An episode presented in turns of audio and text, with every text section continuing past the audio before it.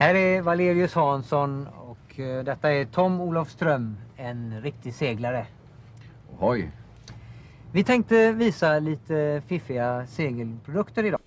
Ja, hej och hjärtligt välkomna till den här lite extra insatta avsnittet av en himla många produktioner med anledning av Rolf Allans bortgång. Rolf Allan Håkansson alltså. I eh, fredags så eh, kom jag hem från jobbet och la mig i soffan för att, eh, för att vila lite grann inför helgens bravader. Var på ett eh, synnerligen gott humör faktiskt. När jag då fick det här beskedet på eh, Galenskapen och After Shaves Facebook-sida om att Rolf Allan hade gått bort.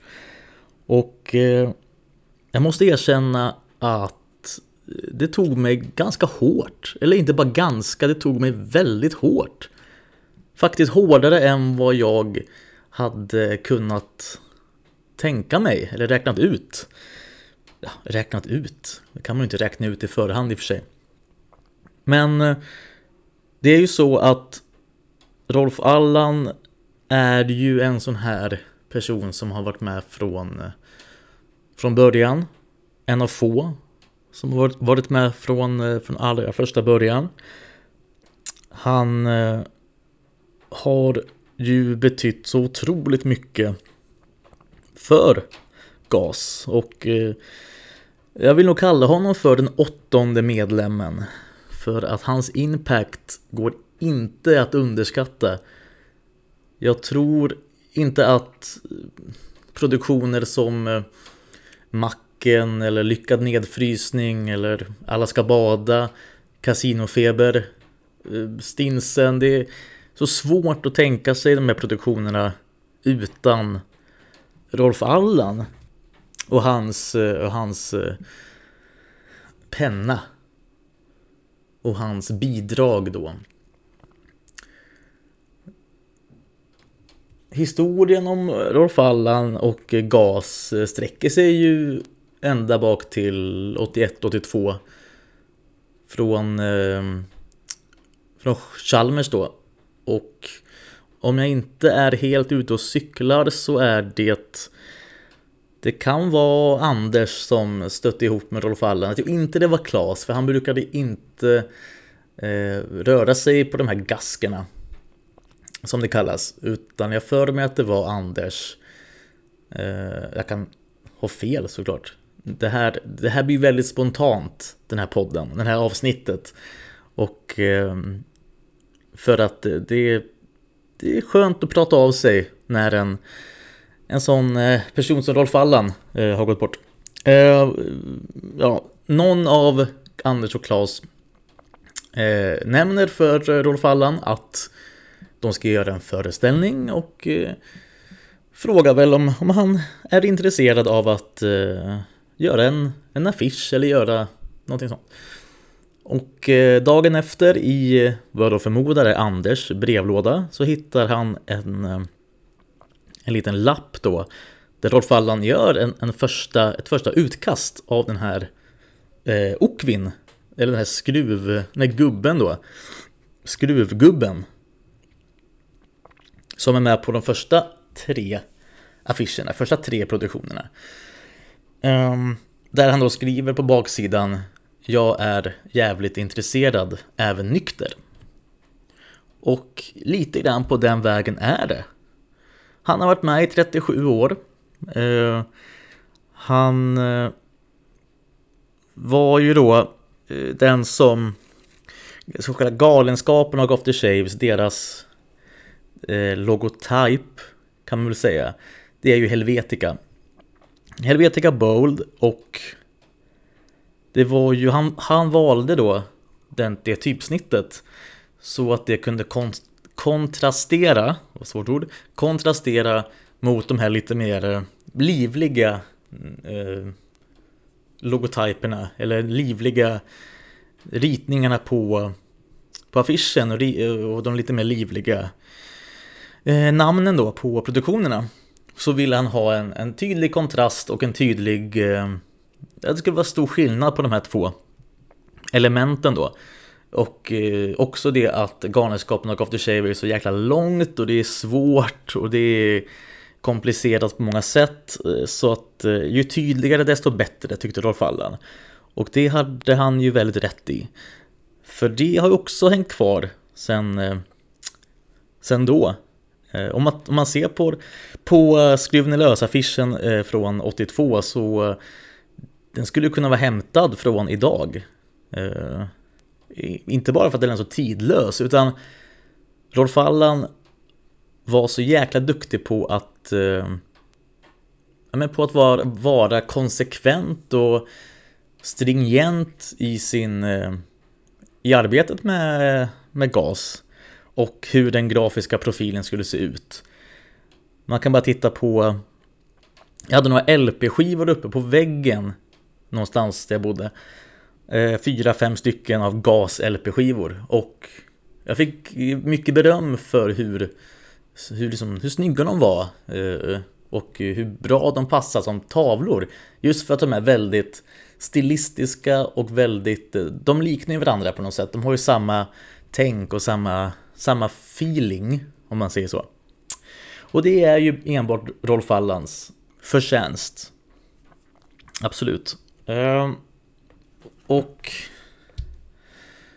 Eh, inte bara var han eh, oerhört viktig bakom scenen och eh, bokstavligt talat eh, framför scenen eftersom att det var han tillsammans med eh, Åby och eh, Bysse såklart det var väl de tre som var huvudansvariga för, för scenerier och så. Så gjorde han ju ganska mycket framför kameran också. Och då såklart minns man väl framförallt framför allt en himla många program där, eh, där väl Valerius Hansson eh, gör sig ständigt påmind. Och det var ju hans egenskrivna sketcher. Två stycken TV-doktorn får vi se där. Och en blev skrotad av något slag. Jag har faktiskt scenbilder framför mig. Tyckte att det var lämpligt för stunden. Och det finns ju faktiskt ganska många ritningar från just eh, hos doktorn. Det eh, finns väldigt många ritningar från eh, andra, andra saker också. Men just hos doktorn är det väldigt fint att se ritningarna på hur, hur det går till när när Knut Angreds eh, ben mellan benen så att säga hoppar av. Han lider ju av eh, komplicerade fisteldrama som löstes med tektyl Surinam-tabletter. Vilket gör då så att benet, det tredje benet hoppar av automatiskt. Vilket är ganska skönt. Ehm, eh, bland annat så löser han också armhålbeväxning eh, genom att göra en fläta. Hon tar bort Kerstins eh, fruktliknande vårta av något slag. Med, även det med, med en salva. Sen är det såklart också Valerius Hansson. Eh, som är ju en favorit för många tror jag.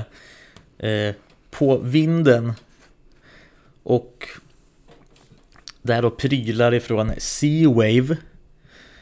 Där, eh, där han och det är han och Anders som ligger bakom själva, själva sketchen och det är det är eh, Rolf Allan och eh, Per som eh, eh Valerius Hansson och Tom Olofström då som presenterar de här eh, produkterna som man kan ha som man kan ha i, eh, i båten. Och där då till exempel eh, har vi så, såklart draggklistret. Det som är otroligt effektivt. Vi har ju också såklart förvax. Just för att få en fin hinna innan man lägger på det vanliga vaxet. Förvax. Det också ligger bakom är ju de fyra klädesplaggen. Där han skrev texten och musiken är ifrån det är någon annan musik som man inte minns riktigt namnet på. Och det är en väldigt härlig låt. Jag minns när jag var lite mindre tyckte jag den var lite obehaglig. Just för att eh, videon, musikvideon är lite obehaglig.